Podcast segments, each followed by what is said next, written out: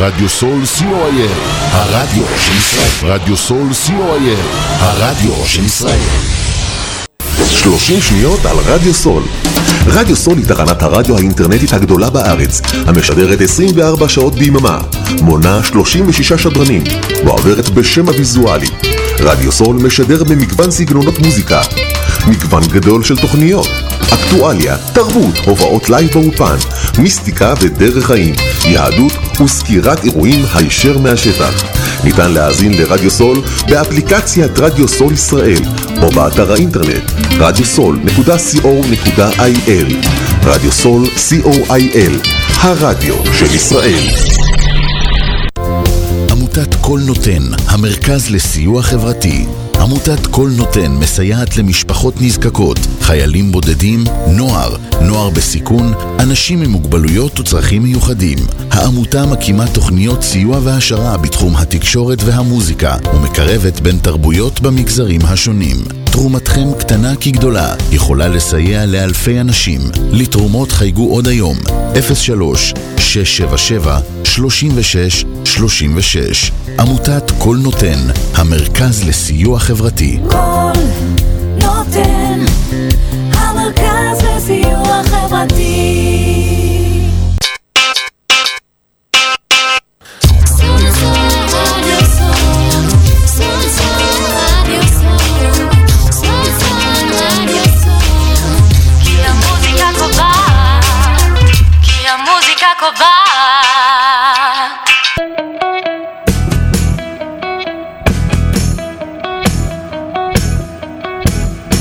אתם מאזינים לתוכנית נקודת השוויון 365 בהגשת עורכת הדין והמגשרת נורית בן דורי שם טוב.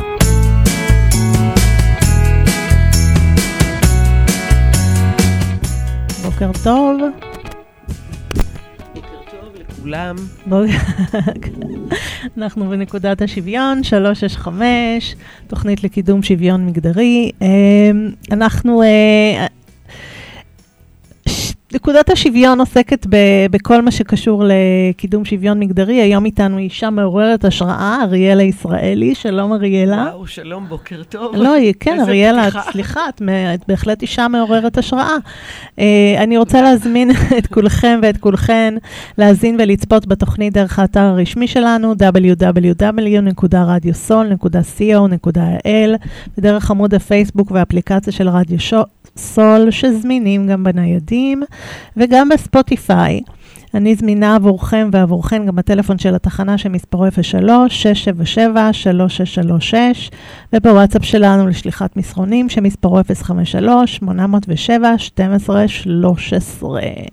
אני נורית בן דורי שם טוב, עורכת דין, מגשרת, מרצה בתחומי גישור ותקשורת מתקדמת, מומחית לתודעה, מודעות ונפש האדם ופעילה חברתית. כן, שוקי, אפשר לנשום עכשיו. השאלה מי מעורר השראה. מי מעוררת השראה?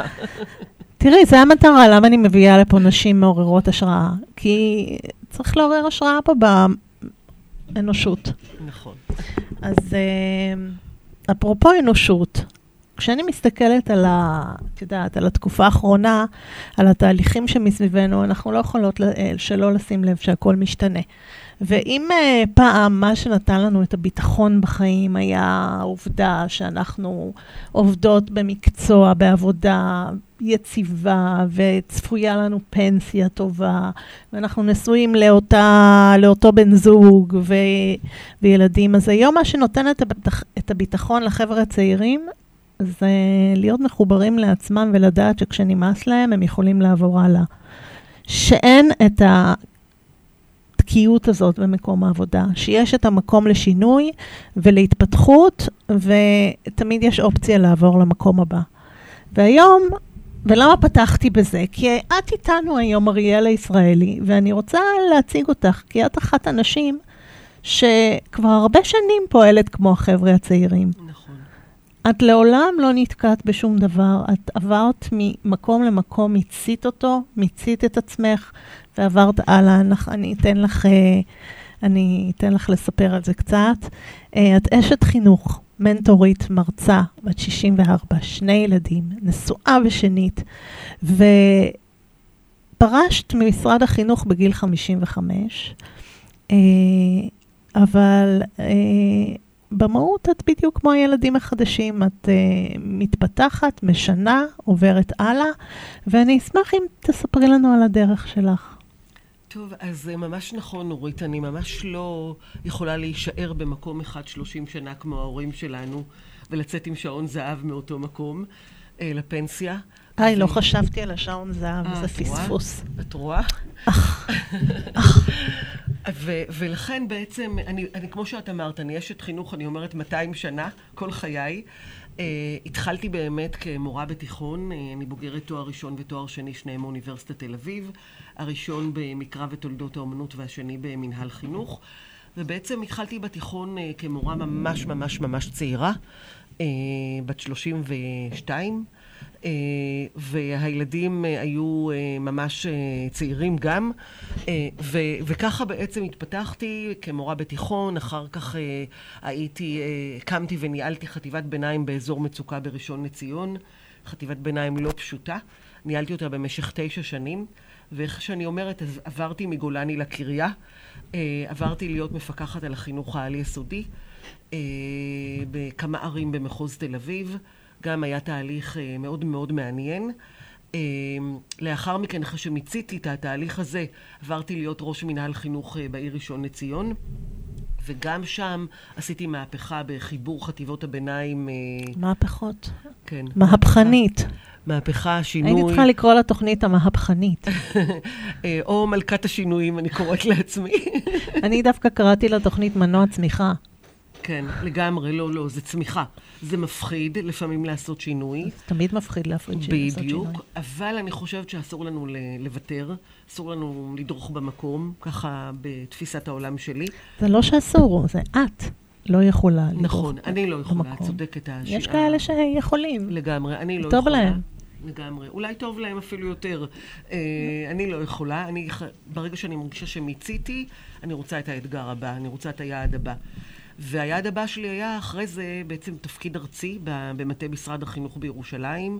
ניהלתי שם את כל הרפורמה של בתי הספר התיכוניים בארץ. אה, נקראת, הרפורמה נקראת עוז לתמורה.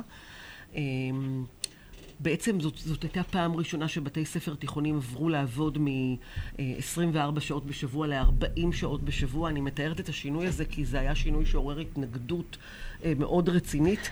כל השינויים אה, שעשית עוררו התנגדות. גם בראשון, נכון. המעבר לשש-שנתי, אני זוכרת עד היום את ההתנגדות שזה עורר.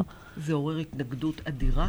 אני חי- חייבת לספר לך שכשנסעתי למנכ"ל משרד החינוך דאז היה שמשון שושני, דוקטור שמשון שושני, לספר לו על השינוי, אז הוא אמר לי, אריאלה, אני רק רוצה, את, את עושה מעולה, אבל אני רק רוצה להגיד לך שכשאני העברתי את תל אביב להיות שש שנתית, אני הסתובבתי עם שני שומרי ראש, כי איימו על חיי. אז שתביני לקראת מה את הולכת. ואכן היו המון התנגדויות. של הורים, של מורים, שלא הבינו בדיוק איך זה הולך לקרות, הפחד, ה... ופשוט עסקנו המון המון זמן בהכשרת לבבות. עשינו המון מפגשים בחדרי מורים, עם ועדי ההורים בכל העיר. זאת עיר גדולה. כן, צריך שעות. להפוך את הלא מוכר והלא ידוע לקצת יותר מוכר, בדיוק. שאפשר אה, להכיל אותו ולעכל אותו. וגם להסביר על היתרונות, למה, למה זה חשוב המעבר הזה. זה לא מעבר, זה לא אה, הפיכה או, או, או שינוי סתם בשביל השינוי. על מה את מדברת עכשיו? על עוז לתמורה או על על השש-שנתי? השש-שנתי. כן, השש-שנתי. כן, כי הייתה למשל נשירה נורא גדולה בראשון לציון, אה, וחטיבות הביניים לא תמיד, התיכונים לא תמיד קלטו את הילדים, לא הייתה מחויבות. אה, הציונים היו מאוד אה, בממוצע, וחשבנו שראשון לציון היא עיר במרכז הארץ, סוציו-אקונומית אה, גבוהה, ולא יכול להיות שאנחנו נהיה בממוצע, כי אם אנחנו בממוצע, אז מה בעיירות הפיתוח? אז היה צריך לעשות שינוי מאוד מהותי גם בתפיסה של המנהלים, שאנחנו לא מחזיקים את הילדים בבתי הספר כבייביסיטר, בייביסיטר מאוד יקר. מאוד יקר. נכון, מאוד יקר. מאוד יקר. אלא אנחנו מחזיקים אותם כדי לעזור להם לקבל תעודות בגרות. שוב, לא בשביל תעודת הבגרות, בשביל החשיבה הלאה, החיים. החיים, בדיוק. אה, וזה היה לא פשוט, אבל זה צלח. צלח עכשיו הרבה... צריך לשנות את התפיסה שגם התעודות בגרות זה לא מספיק בשביל החיים. נכון. לא תמיד תעודות הבגרות זה מה שחשוב לחיים. נכון. לפעמים גם סתם להיות מחובר לעצמך ולהיות מי שאתה ולהיות מבסוט, גם אם אתה לא טוב במקצועות כמו מתמטיקה או שפה. אתה יכול להצליח כי יש לך חשיבה יצירתית שמערכת הח- החינוך לא נותנת לה מקום. נכון. נותנת לה, אבל מעט מאוד. כן, מעט מאוד, ו... ותלוי ב... במנ... באותו מנהל בית ספר שיש לו את ובמורה. החזון הזה, ואז הוא יכול להוביל, אבל כמערכת שלמה, אה, יש איזה אגף אחד שמתעסק בזה, וכל השאר מתעסקים בדברים אחרים לגמרי. זה חבל, וצריך לשנות את הסדר עדיפויות לגמרי. לגמרי, לגמרי, לגמרי. זהו, זה תהליך אה, לא פשוט של שינויים, שאתה, כשאתה נמצא בתוך זה כמוביל תהליך כזה, אתה בעצמך אה, אה, צריך להיות צוק איתן, מה שנקרא. את בעצמך. כן, כן. את אני- בעצמך אני בעצמי, צריכה להיות כן, צוק איתן. אני בעצמי, לגמרי. ואת יודעת את זה, נורית, כי גם את אה, עוברת ועברת שינויים. ואתה צריך, אתה, מה שצריך להיות חזק פנימה, אני חזקה פנימה, כדי, אה, ולהאמין בזה, להאמין שזה הולך לעשות טוב לאנשים, או לעצמך, תלוי איזה שינוי אתה עושה, כדי למשוך את זה קדימה. כן. אוקיי. אמ, אני רוצה שאנחנו נתחיל בשיר הראשון שבחרת. זו פעם ראשונה שבוחרים לי שירים שכולם של בנים, של גברים. שמתי לב, וואו. נכון, את צודקת. שלמה ארצי שלמה ארצי, אהבת חיי. ושמעון בוסקילה. האמת שאני באמת מקפחת אותם, ולא אמרתי כלום, כי מגיע להם גם להיות פה בתוכנית.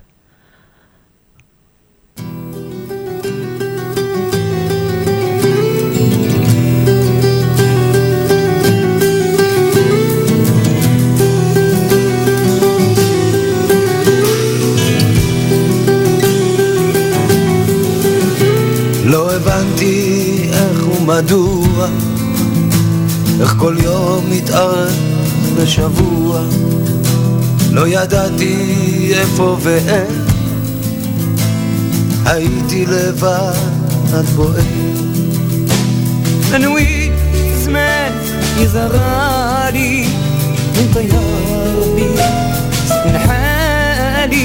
ברית נשוף עוד ינור ידי نشوفك يا روح يا لي علاش يا روحي وعلاش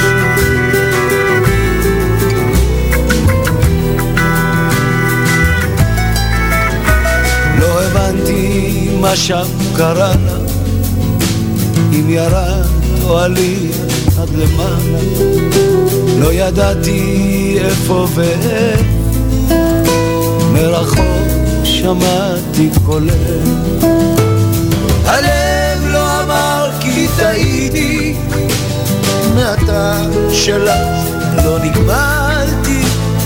אמור אלוהים מדוע אני שם לבדי עם הרוח.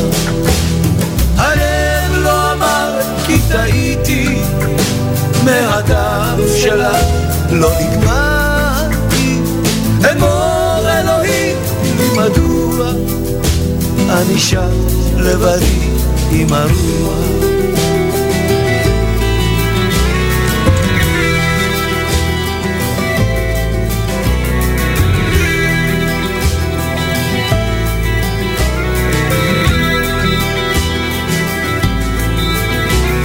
علاش يا روحي وعلاش خليتني ومشيتي علاش علاش يا روحي وعلاش خلتني ومشيتي وعلاش הלב לא אמר כי טעיתי מהטעם שלה לא נגמלתי אמור אלוהים מדוע אני שם לבדי עם הרוח הלב לא אמר כי טעיתי מהטעם שלה לא נגמלתי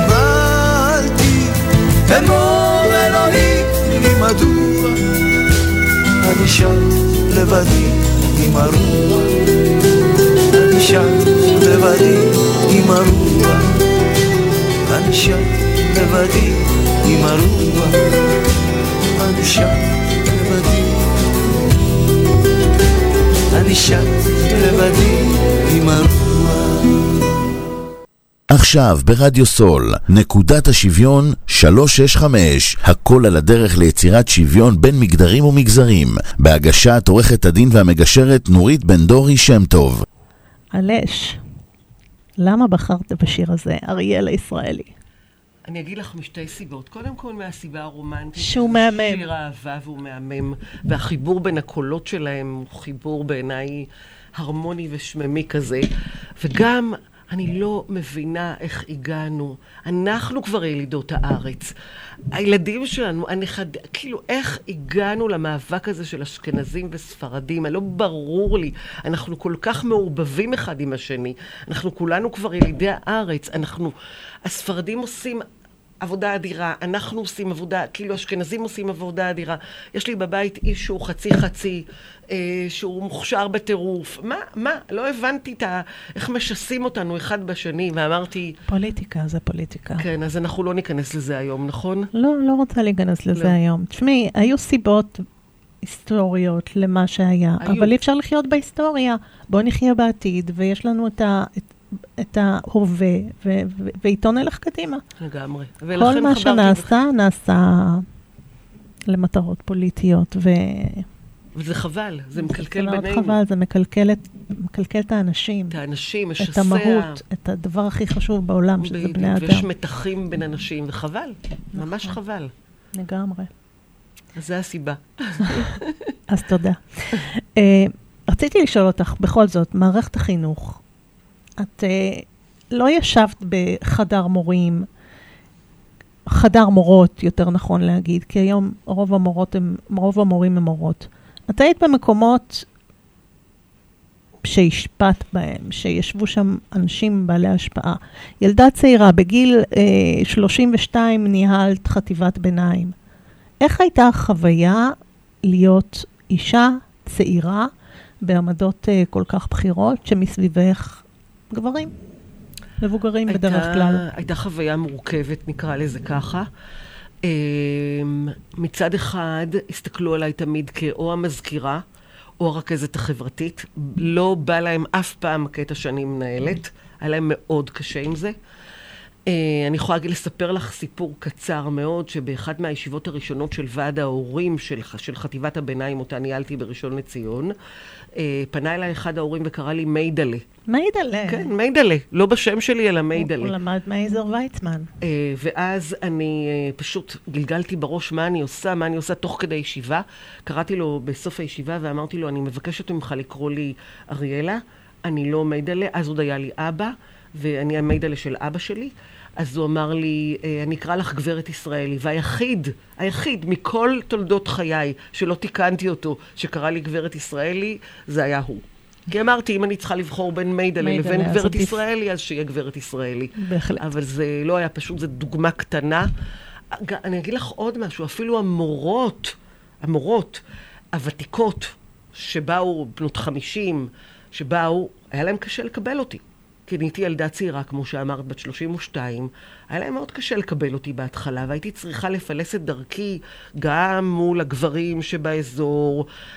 רוב המנהלים אז היו גברים, מבוגרים גם יותר. כאילו הייתי איזושהי דמות מאוד יוצאת דופן. אה, גם הייתי בחורה צעירה, וגם, כמו שאני מכירה אותך, באת לעשות שינוי.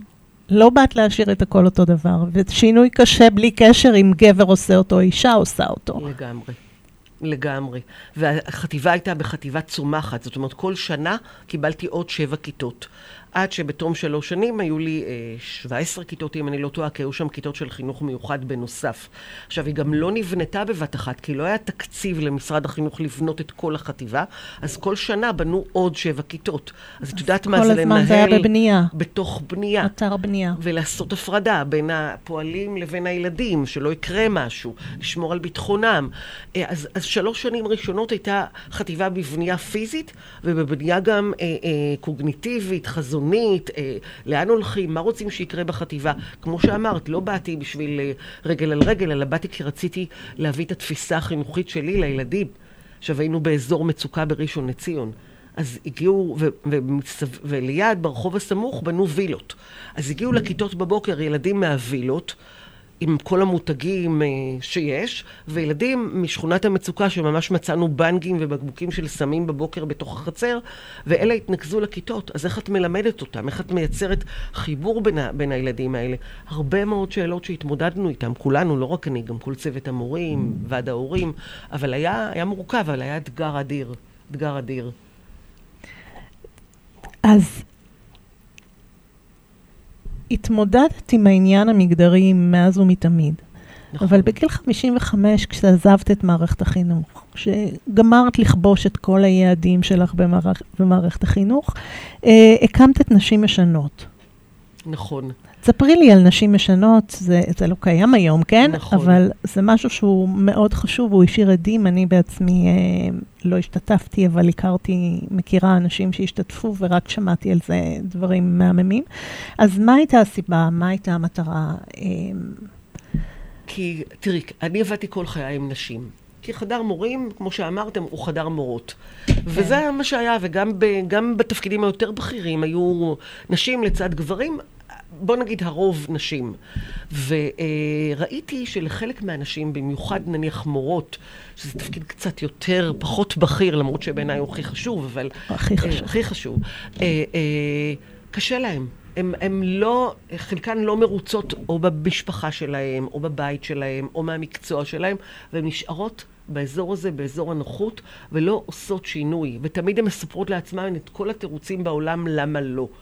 ואני הבנתי שאני צריכה, שכנראה אחד, אחד היהודים שלי בעולם, זה לעזור לנשים לעשות שינוי.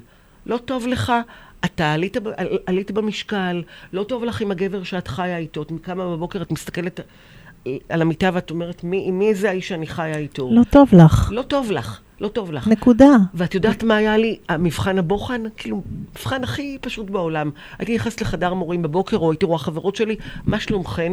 והן היו אומרות לי, בסדר. כשמישהו אומר לי, בסדר, אני מבינה שהוא ב-level של הקו הזה, לא למטה, לא למעלה, מין קו כזה, כמו, את יודעת... כמו אה, הקו הזה. כן, הקו הזה שאנחנו לא רוצות אה, לראות אותו, בדיוק.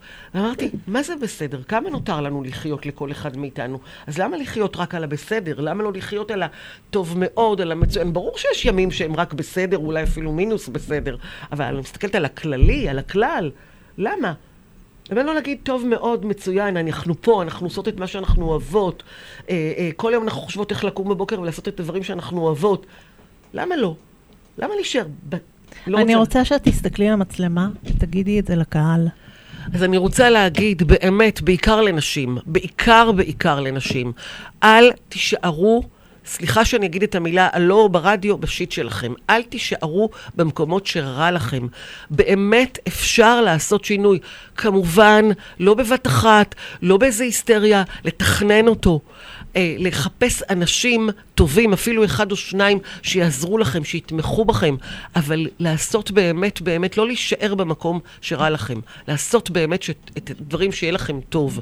כי כמה נשאר לנו על פני האדמה הזאת, אז למה לא למצות? חיים פעם אחת, לגמרי. ממש. מאיפה, מאיפה הגיעו התובנות האלה שהעברת לאנשים? כאילו, מאיפה, מאיפה את לקחת אותם? אז אני חושבת שגדלתי קודם כל בבית של אה, הורים אה, אה, יוצאי המחנות.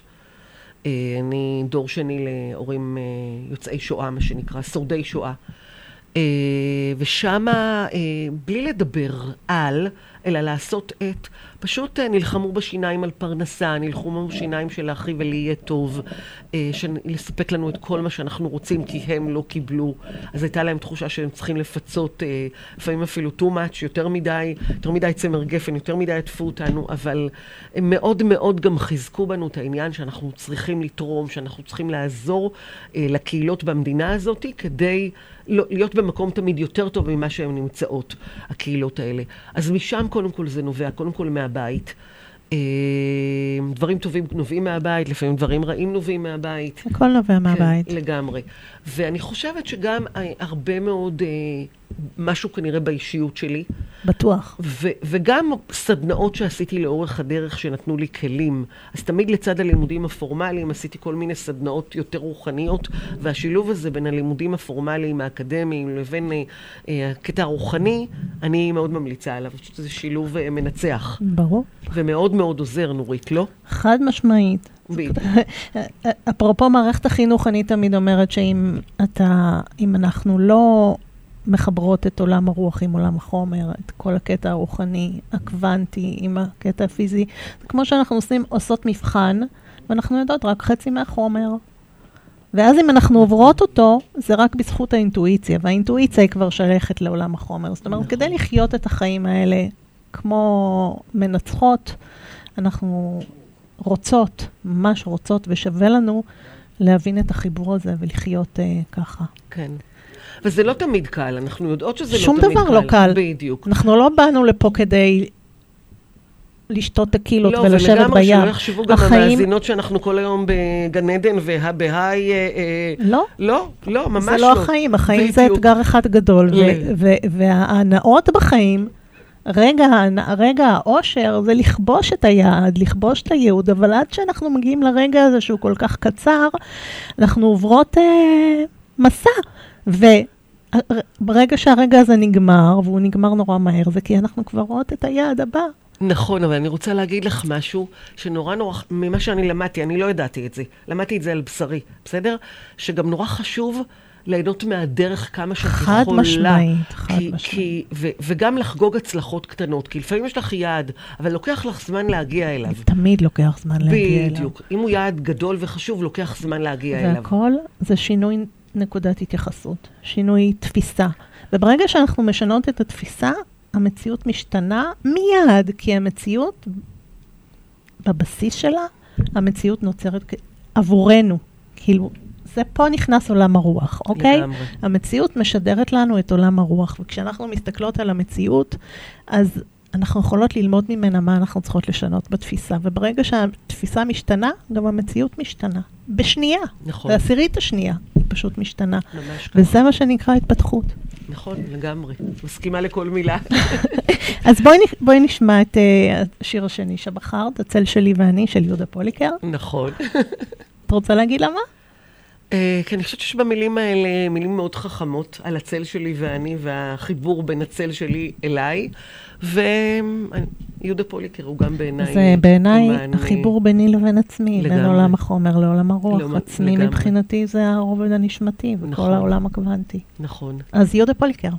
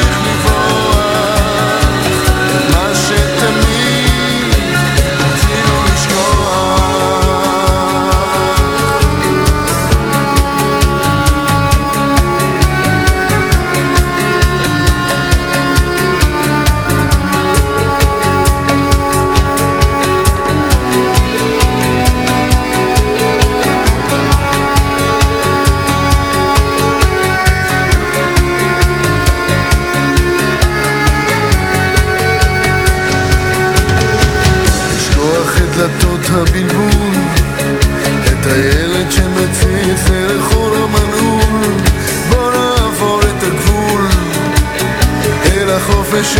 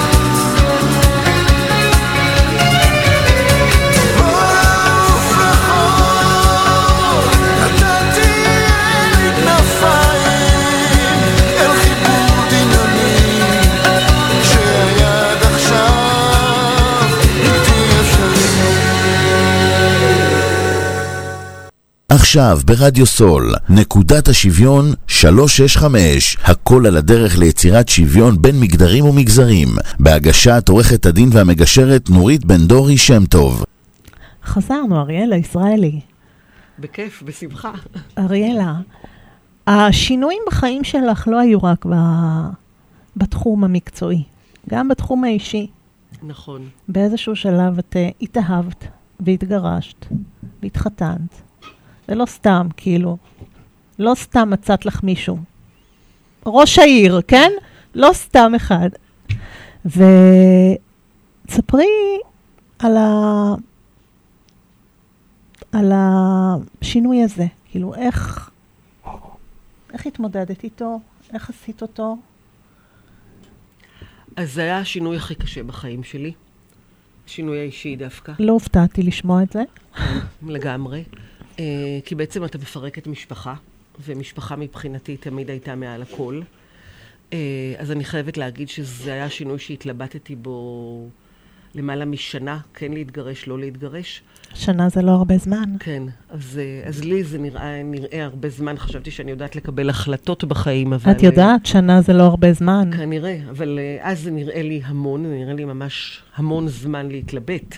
לא לדעת מה, ושיניתי את דעתי, יכול, יכולתי לשנות את דעתי ארבע פעמים ביום, אוקיי? פעם כן להתגרש, פעם לא להתגרש, כל שעתיים זה היה משהו אחר. ואמרתי, אלוהים, איך אני אדע בסוף? לקבל החלטה. אז מה הוא קשה. אמר?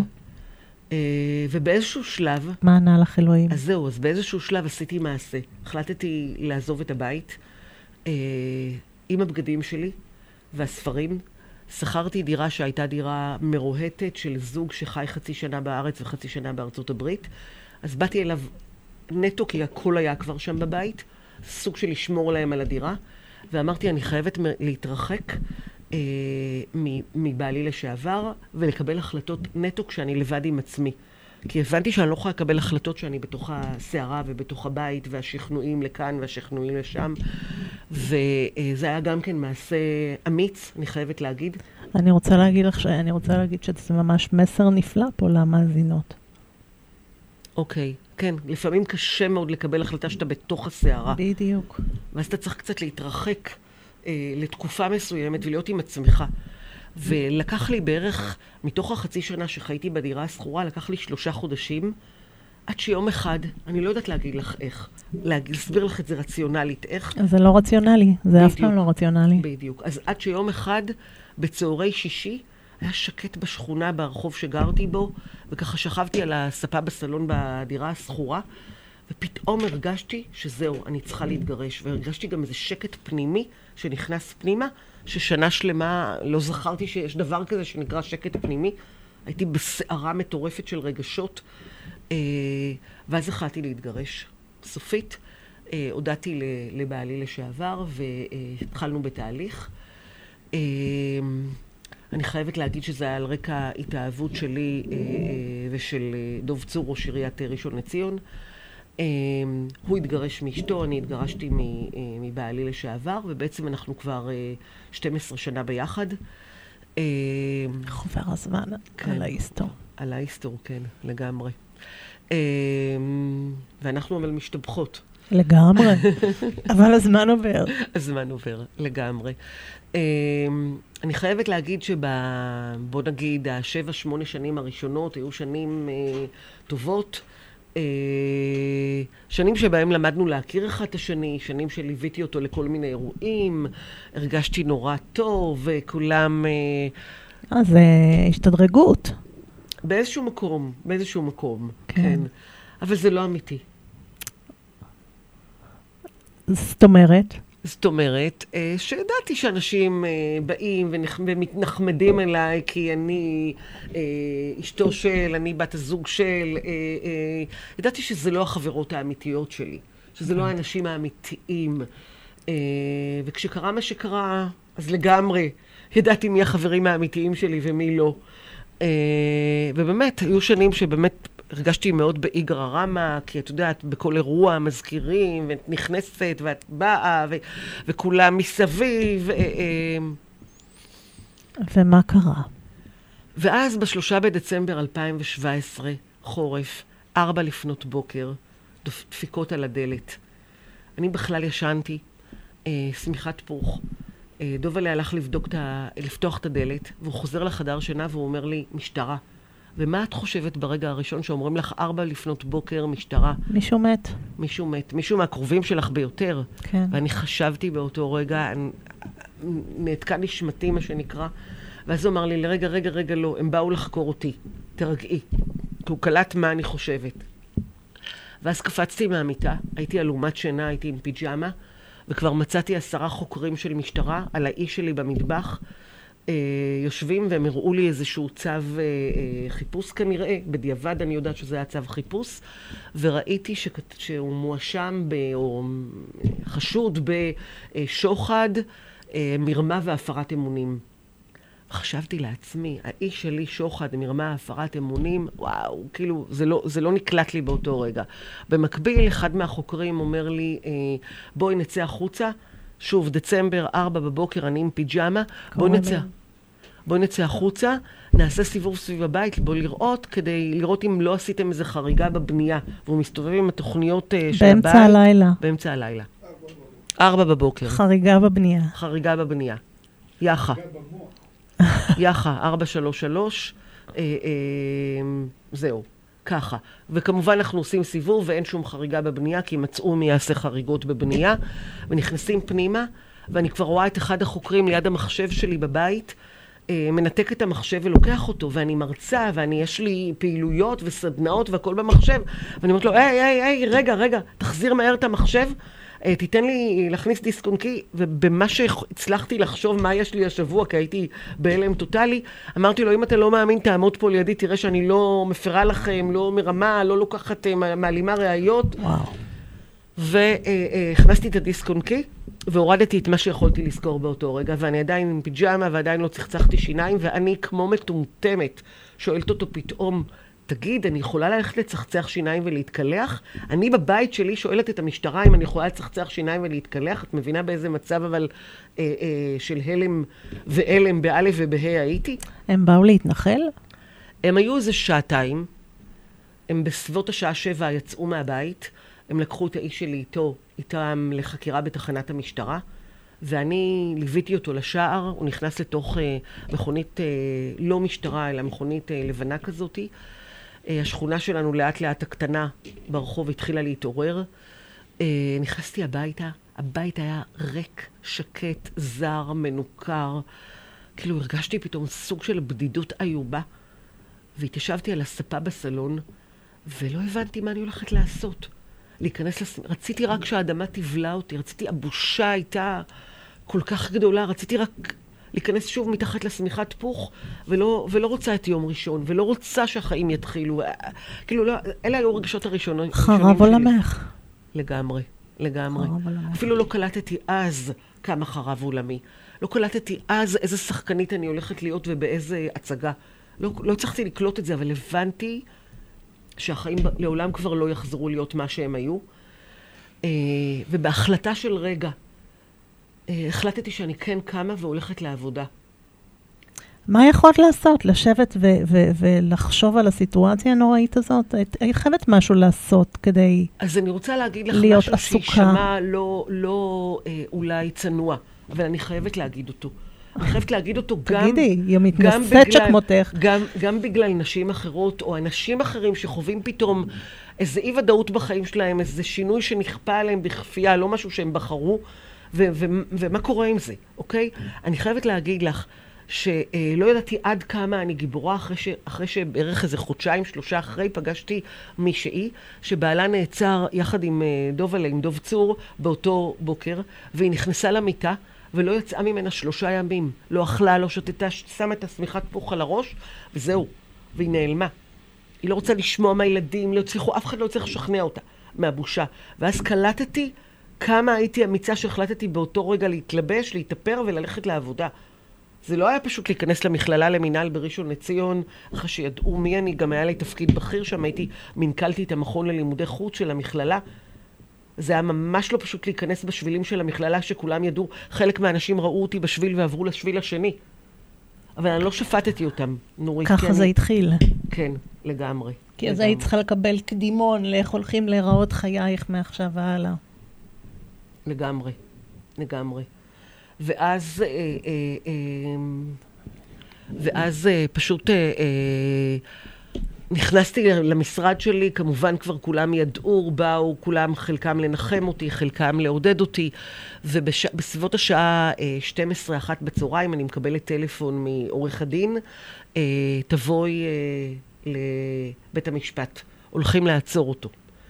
מה, ואני לוקחת את התיק שלי ונוסעת מהמכללה לבית המשפט בראשון לציון, וכל הדרך אני עם המילה מעצר, מעצר, ו... לא, תחשבו על עצמכם, אנשים נורמטיביים מהשורה, תמיד חושבים על עצמם אנשים ערכיים, מנסים לתרום, מנסים לעבוד קשה בשביל לחיות, פתאום טראח, מעצר, שוחד, מרמה. ואני אומרת לעצמי, רגע, אבל אנחנו עם משכנתה של למעלה ממיליון שקל, אז איזה שוחד? הרי אם, אם היינו מקבלים שוחד, אז לא הייתה משכנתה של למעלה ממיליון שקל על הדירה שאנחנו גרים בה. בקיצור, ואני נוסעת לבית המשפט, ונורית, את לא מאמינה. אני, דלתות המעלית נפתחות בקומה השנייה בבית המשפט בראשון לציון, וכל העולם ובני ביתו נמצא שם.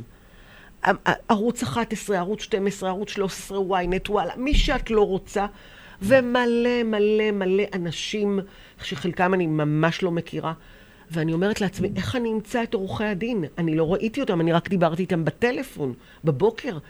ואז אני נכנסת לתוך כל הבלגן הזה, חלק מהאנשים מחייכים אליי, אז אני מזהה אותם, חברי מועצה, חברים שלנו.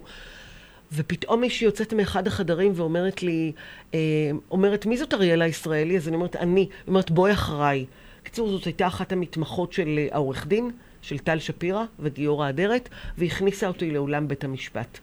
וזאת הייתה הפעם, הראשונה שראיתי את דובלה, אה, אחרי בוקר, אחרי כל, הלילה והבוקר שהיה לנו.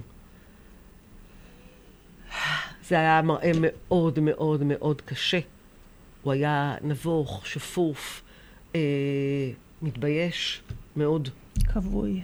כבוי. אה, ניסיתי לזרוק לו מילות עידוד, והפסיקו אותי כי אסור לדבר איתם, אבל אני אמרתי, מה, מה אכפת לי? מה, הם יעצרו גם אותי? לא. לפחות ישיבו אותך לידו? כן, אז, אז המשכתי לזרוק לו מילות עידוד אה, ומילות אהבה, ושמעתי את השופט אומר שהוא עוצר אותו ל, לחמישה ימים או ארבעה ימים, אני כבר לא זוכרת מה היה המעצר הראשון, אה, בגין שוב שוחד, מרמה והפרת אמונים, ואני מבינה שזה הולך להיות סיפור ארוך אה, ומאוד מאוד משמעותי. בקיצור, אה, עוצרים אותו, ואני לא יכולה לעמוד בזה יותר. אני נכנסת לשירותים של בית המשפט, מתפרקת בבכי, אני יודעת שכולם מחכים בחוץ, גם, גם הערוצים מחכים בחוץ. אה, ואני מנגבת את הדמעות, מנסה שלא יראו שבכיתי, ויורדת למטה. ולמטה מחכים, זה פשוט מראה סוריאליסטי. העוזר שלו, האישי, מחכה עם מנות שווארמה. למה? הוא היה בטוח שמשחררים אותו, אז כאילו הוא ידע שהוא אוהב שווארמה. שיאכל משהו. כן, שיאכל משהו. אה, וכמובן הסצנה היא לא הסצנה הזאתי, וככה בעצם אני מבינה שחיי השתנו. תראי, זו הייתה תקופה ארוכה. וזה זה סיפור שאת יוצאת איתו, יצאת עם הרצאה חדשה, נכון. שקשור לסיפור הזה. אמ, איך התמודדת עם הדבר הזה? אז קודם כל אני חייבת להגיד שהסיפור הזה היה 1256 ימים, שלוש שנים וחצי עד שקיבלנו את הידיעה מהפרקליטות שהתיק נסגר. זה ממש עינוי דין. לגמרי עינוי דין, ואני לא יודעת כמה אפשר להעביר את המסר, מה זה להרגיש אם עינוי צריך דין. רפורמה בעולם המשפט, זה המקום זה לעשות המקום. את הרפורמה. ממש ככה. אם צריך רפורמה, זה המקום ש... וצריך רפורמה. לגמרי צריך לעשות אבל רפורמה. זה המקום אבל להגביל, אני לא אומרת, שחיתות אחרים. צריך לחקור. ואם אתם משמעית. חושדים במישהו, לחקור תחקרו. אותו. אבל קודם כל, תדעי שיכניסו אותו לתשעה ימים לכלא, ובמהלכם חקרו אותו ארבע שעות. אז למה אתם משאירים בן אדם תשעה ימים בכלא בשביל לחקור בשביל אותו לחקור ארבע אותו שעות. ארבע שעות? אם אתם חושבים שהוא יזהם חקירה, תכניסו אותו הביתה, תשאירו אותו במעצר בית, תשימו לו אזיקון, תעשו, יש היום טכנולוגיות. למה? על מה? מה, הוא אנס? הוא רצח? מה הוא עשה? עכשיו, מה שאני רוצה להגיד עוד, זה ש, היותר שבעצם... גרוע שזה גם ראש עיר. שהיה ראש עיר במשך כמעט עשור, עשר שנים, אוקיי? והתנהגו אליו כ- כאח- כאחרון העבריינים. כן. ממש. שזה יותר מקומם, להחזיק בן אדם עשרה ימים ולדבר איתו ארבע שעות. זה מתסכל, זה... לגמרי. מאוד. אז אני, אני, אני חייבת להגיד שב-1256 ימים האלה, גם היו לנו, אה, אחרי 11 חודש שזה קרה, לצערנו הוא לא זכה בבחירות, כי כמובן אה, אה, זה התיק הזה, הפלילי הזה, קשה. אה, גרם לכך שאנשים לא יבחרו בו. אה, אני חייבת להגיד שבבחירות הקודמות הוא זכה ב-70% מתוש... מהקולות של תושבי ראשון לציון. אז צריך להראות את ה... איך, איך זה היה אז ואיך זה היום. אה, אז קיבלנו עוד אה, מכה, מה שנקרא, שהיינו צריכים להתמודד איתה. אה, ואני מצאתי את עצמי אה, חייבת להיות החזקה, חייבת להיות אה, זאת שמעודדת, וחייבת להאמין שהדברים האלה אה, יהיו לטובה, יקרו לטובה. והדבר הראשון זה קודם כל השגרה. לחזור כמה שיותר מהר לשגרה, ואני חייבת להגיד שלי לפחות גם הס- הספורט מאוד עזר. כלומר, אם אתה עושה ספורט בחיים שלך, לא משנה איזה, תחזור לעשות ספורט, כי הספורט הזה והשגרה, העבודה, איכשהו מכניסים אותך למסגרת. אז זה היה הדבר הראשון שעזר לי ולא להתמודד עם ה-1256 ימים האלה. אבל היו עוד דברים. היו עוד דברים. אם את רוצה, אני אספר לך עליהם. את יכולה לספר לי כן. בשמחה, כן. אה, אז היו, למשל, היה לי ברור שאני צריכה להאמין שזה לא נכון. אה, ועשיתי לעצמי, ושאלו אותי אנשים, אבל רגע, אולי בכל זאת הוא עשה משהו. לא חשבת על זה? אז אמרתי, כן, חשבתי על זה. חשבתי על זה, אולי יש דברים שאני לא יודעת, אולי הוא בכל זאת עשה משהו רע, ואני לא יודעת עליו, והוא לא סיפר לי והוא החביא את זה. אחד הדברים זה- הכי קשים, לשמור על מה- על- על האמון. ב- בדיוק. ואז העברתי בראש כל מיני סיטואציות שהיו לנו, שאני לא ארחיב אותן פה, כמו למשל ארוחת ערב עם אה, ראש עיר אה, של מדינה, של מדינה אחרת, אה, עיר תאומה, ו- ואומר לי, אה, אני באה לסוף המפגש, כי גם הוא עם אשתו, ויש קינוחים על השולחן, והוא אומר לי, אה, הוא אומר לאנט, זאת שהייתה מנהלת קשרי החוץ של העירייה, תחייבי 60 שקל. אז היא אומרת לה, על מה לחייב 60 שקל? לא, כי אריאלה נגעה בקינוחים, לא מוכן שהעירייה תשלם עבור אריאלה, אוקיי? וכל מיני סיטואציות כאלה קטנות וגדולות, ואני אומרת, לא יכול להיות, ויש לנו גם משכנתה, לא יכול להיות שהבן אדם נגע בכסף, אני יודעת כמה הוא ישר, אני יודעת כמה הוא לפעמים יותר מדי ישר ולא פוליטיקאי. לפעמים הוא צריך לעזור קצת, להגן לאנשים, והוא ככה, אוקיי? ואז אני, אני, אני מבינה שזהו, שאין אין פה, זו טעות מאוד מאוד גדולה. אמ, ואני מאוד מאוד מאמינה במנטרות. אז, אז גיבשתי לעצמי מנטרה שאני מחכה לגאולה, והגאולה תגיע.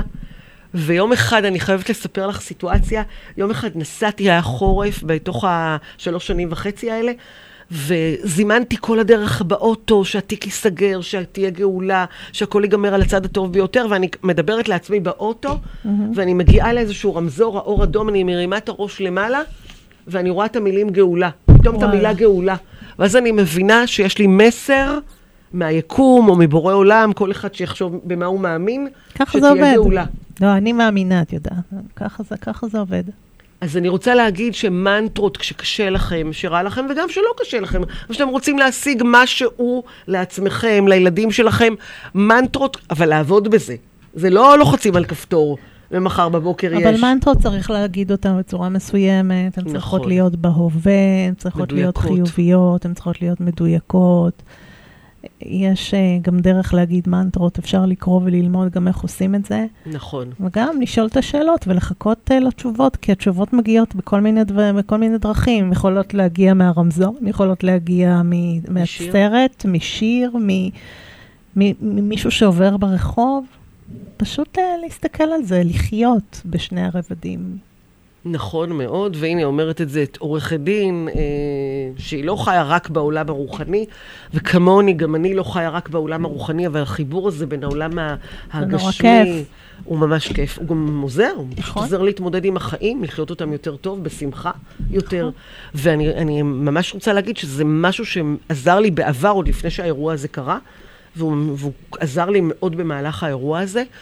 אה, והכנסתי את זה הביתה, והאיש שלי שהוא רואה חשבון והוא ממש לא בא מהתחום הזה הרוחני, פתאום אני רואה שהוא מתחיל גם לחשוב במושגים האלה קצת. אבל קצת, כן, טוב, קצת. אבל- קצת, נורית, קצת, לא, לא כמונו, אבל קצת. קצת יש איזושהי השפעה אה, אה, על העניין. אה, ואיך שאל אותי אה, רביב דרוקר בתוכנית המקור, כשהוא עשה תוכנית על אה, להפיל ראש עיר, שאל אותי, אה, אבל מה קרה בשבוע שלפני ההודעה שהתיק נסגר?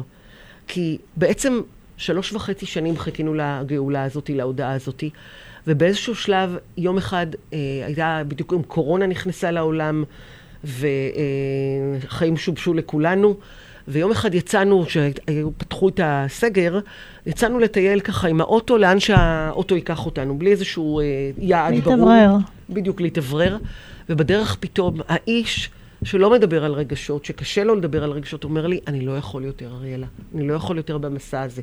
אני חייב לדעת לכאן או לכאן. אי אפשר לחיות יותר בחוסר ודאות כזה. ואז אני אומרת לו, כאילו, מה, א', מה אתה אומר לבן אדם שיושב לידך 20 סנטימטר ממך? אה, ניסיתי לעודד אותו, אבל גם אני, הדמעות זלגו לי, והסתכלתי על הנוף כדי שהוא לא יראה. ואז הוא חזר הביתה והוא צלצל לעורך הדין, ועורך הדין אמר לו, בדיוק ראיתי את הפרקליטה שמטפלת בתיק, היא אמרה לי שתוך שבוע תתקבל החלטה. וואלה. ואז, מה את עושה בשבוע הזה? קודם כל, התפללתי לכל האלוהים שאת מכירה. ממש. אה, אה, הוצאתי מהאינטרנט, מהגוגל, את התמונה של אותה פרקליטה שהייתה צריכה להחליט. פשוט דיברתי אליה בשיחות טלפתיות. הסברתי לה מי זה דוב צור ולמה הוא, כמה הוא ישר. נתתי לה כל מיני דוגמאות, ממש. ממש דיברתי אליה בשיחות טלפתיות כל השבוע. וביום השני למבצע שומר חומות, בשעה שלוש בצהריים, אני הלכתי לנוח. דובלה ראה אה, צבע אדום, אה, אמרנו לעצמנו בטוח, אף אחד לא יתעסק בזה, בדבר הזה ביום השני למבצע שומר חומות. ופתאום בשלוש בצהריים טלפון, אה, טל שפירא על הקו, אה, ואני שומעת צרחה מהחדר שינה. זאת אומרת, אני עם החדר שינה שומעת צרחה מהסלון, אני מגיעה, אני לא יודעת אם זה טוב או רע, ואני רואה את דובלה רוקד ובוכה. וואי, איזה סיפור. זה עינוי, איזה עינוי, זה, זה לא יאומן. זהו, והודיעו לו שהתיק נסגר אה, אה, מחוסר אשמה, ושהכול בסדר והחיים חוזרים. ועכשיו אתם צריכים לדעת שהבן אדם שלוש וחצי שנים אגר כנראה את כל הרגשות שלו, וכשהודיעו לו, הוא בכה שבע שעות. כאילו כל מה שהיה לו אה, אה, כנראה השתחרר באחת. חייב. אה, אה, להתנקות. היה, הוא פשוט צלצל לכל הילדים שלו, לכל העולם ובני ביתו, וכל הזמן בכה. ולבית זרמו מלא אנשים. תוך כדי המבצע היה צבע אדום, אנשים זרמו לבית, ופרחים ועוגות. פתאום הבית התמלא באנשים. אני שמחה שזה יסתיים בסוף טוב, למרות שזה לא היה אמור להימשך כל כך הרבה זמן, זה פשוט אה, ביזיון, ביזיון של המדינה. נכון. ואריאלה, אנחנו מוכרחות אה, לסיים. הגיע סוף התוכנית, ואני רוצה ממש להודות לך. רגע, אבל אני רוצה להגיד שאני גם עושה הרצאות אז אה. כן, אז תגידי שאת עושה הרצאות, ואחר כך, ואנחנו נסיים עם אבי ומדינה עם ראיה. אוקיי, אז אני רוצה להגיד שבעקבות האירוע שקרה לנו, החלטתי לצאת בהרצאה שמספרת את הסיפור האישי, אבל נותנת המון כלים להתמודד עם אה, אי-ודאות, ואנחנו חיים בעולם כזה, ואני פה באי ודאות היום זה העולם. לגמרי. אז תודה רבה, אני חושבת שאת בהחלט אישה מעוררת השראה, תודה נורית. גם את. ותודה שהיית איתנו פה, ותודה לך שוקי, ותודה לכם שצפיתם בתוכנית, ונתראה בשבוע הבא.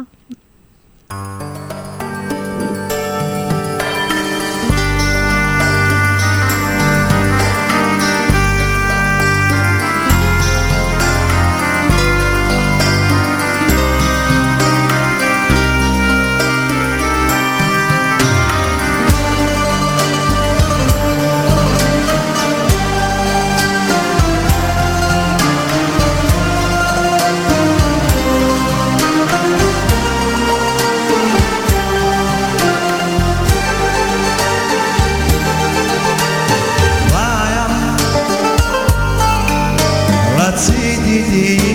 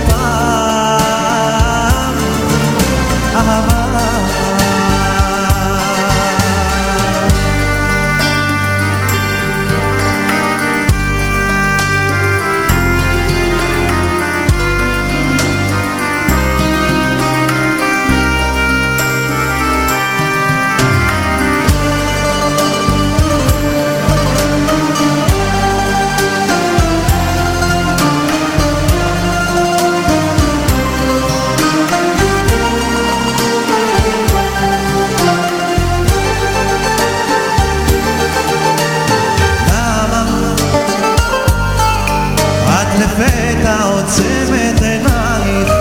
לא שוקלת שנית מילותייך. מתפרצת אחר מתחרטת אך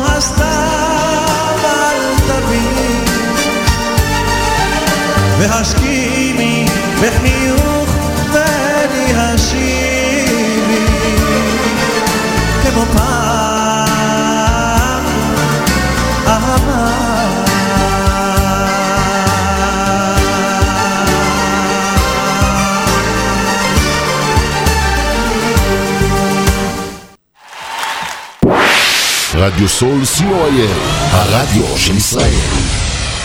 30 שניות על רדיו סול. רדיו סול היא תחנת הרדיו האינטרנטית הגדולה בארץ, המשדרת 24 שעות ביממה, מונה 36 שדרנים, ועוברת ב...